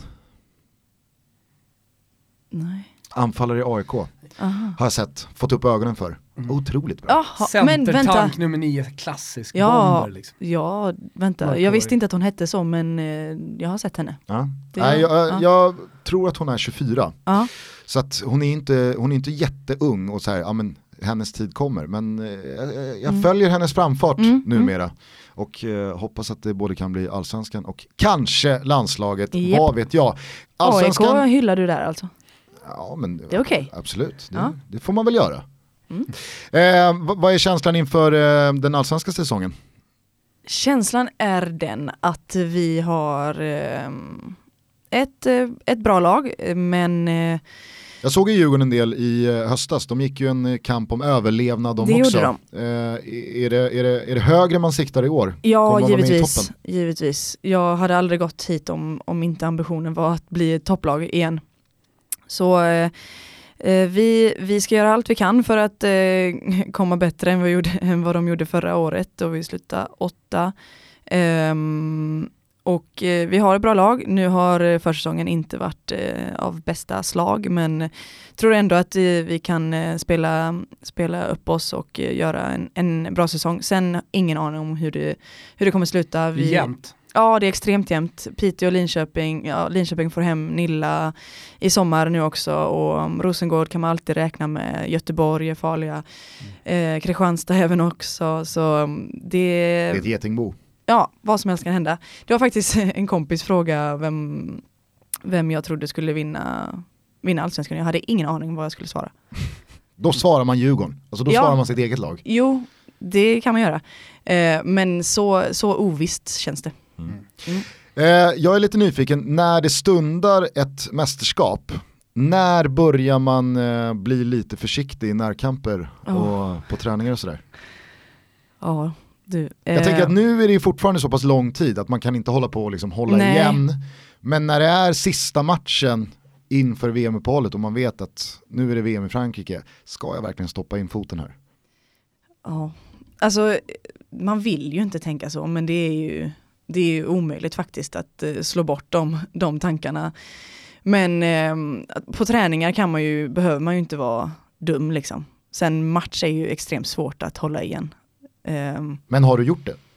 eh, alltså inte vad jag kan minnas faktiskt. Jag är ju inte en jättefysisk spelare heller så att eh, jag tror knappt att jag har behövt det. Men eh, tankarna finns ju där såklart att oh, nu, nu hoppas vi att det inte händer något. Nu kanske jag till och med borde bli utbytt, typ. Jag ser det ju som eh, ganska självklart att du är med i truppen, men är du i ditt huvud osäker? Är det så här, undrar om jag tas ut till VM? Ehm, jag tror att det här läget kommer betyda jättemycket för mina, mina chanser. Eh, så jag ska göra allt jag kan för att få spela båda matcherna såklart och få visa upp mig eh, ännu mer. Jag känner ändå att Algarve Cup ehm, var en okej insats från mig för att vara så tidigt på säsongen. Eh, Så jag känner mig ganska trygg men eh, men eh, liksom kan absolut inte säga att jag ska spela VM än. Nej, men då kan du lita på mig. Okej, Så länge du håller dig eh, fit ja. så kommer du vara med. Knock on wood gör vi här. Eh, vad säger du Thomas, ska vi börja runda av eller Om en har, kvart har är det avspark mot Täby FK. Eh, jävla match ska jag säga. Nummer, vår nummer 14 mot deras nummer 14. Oj, oj, oj, oj. Ja, jag, jag tänkte att du skulle eh, ha någon fråga till Olivia så här. finns det något tips att ta med sig till tjejerna? Ja men eh, absolut. Men ska jag inte hänga Ja, med Det tänkte på jag göra privat. Får Ja, jag du hänga med? Ja du får jättegärna hänga med. Jag har Ja, ändå bilen- ingenting att göra. Ja, men kan du inte följa med då? Jo, Otroligt. jag hänger med. För- Ska du med det Gusten? Nej, jag ska inte med. Du ska Nej, hem men och alltså, Med, med, med all respekt men så... bakishänga Men alltså i det vore soffan. så jävla coolt alltså. Kan du inte göra det?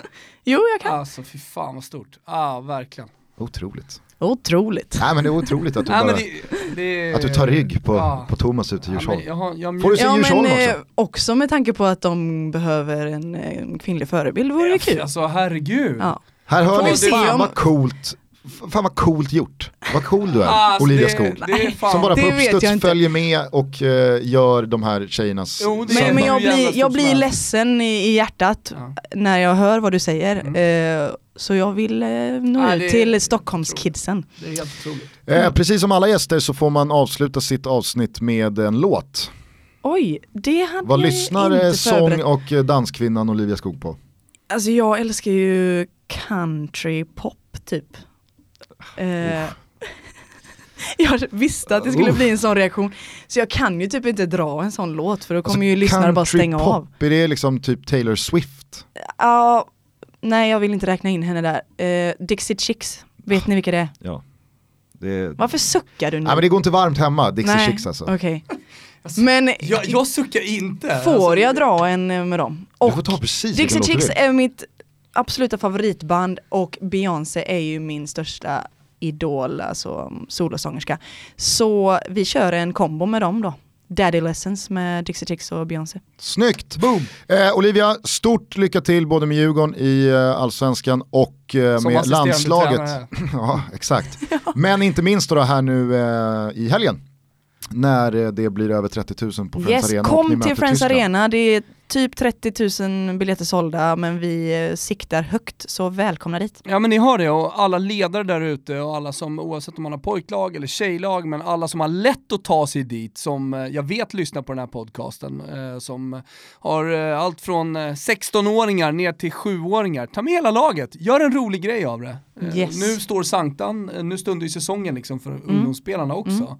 Eh, s- Sanktan drar igång här om ett par veckor. Perfekt kick-off liksom. Yes. Att börja på ett eh, fullsatt Friends, eller hur? Mm. Ska se när vi slår Tyskland Exakt. för första gången på väldigt länge.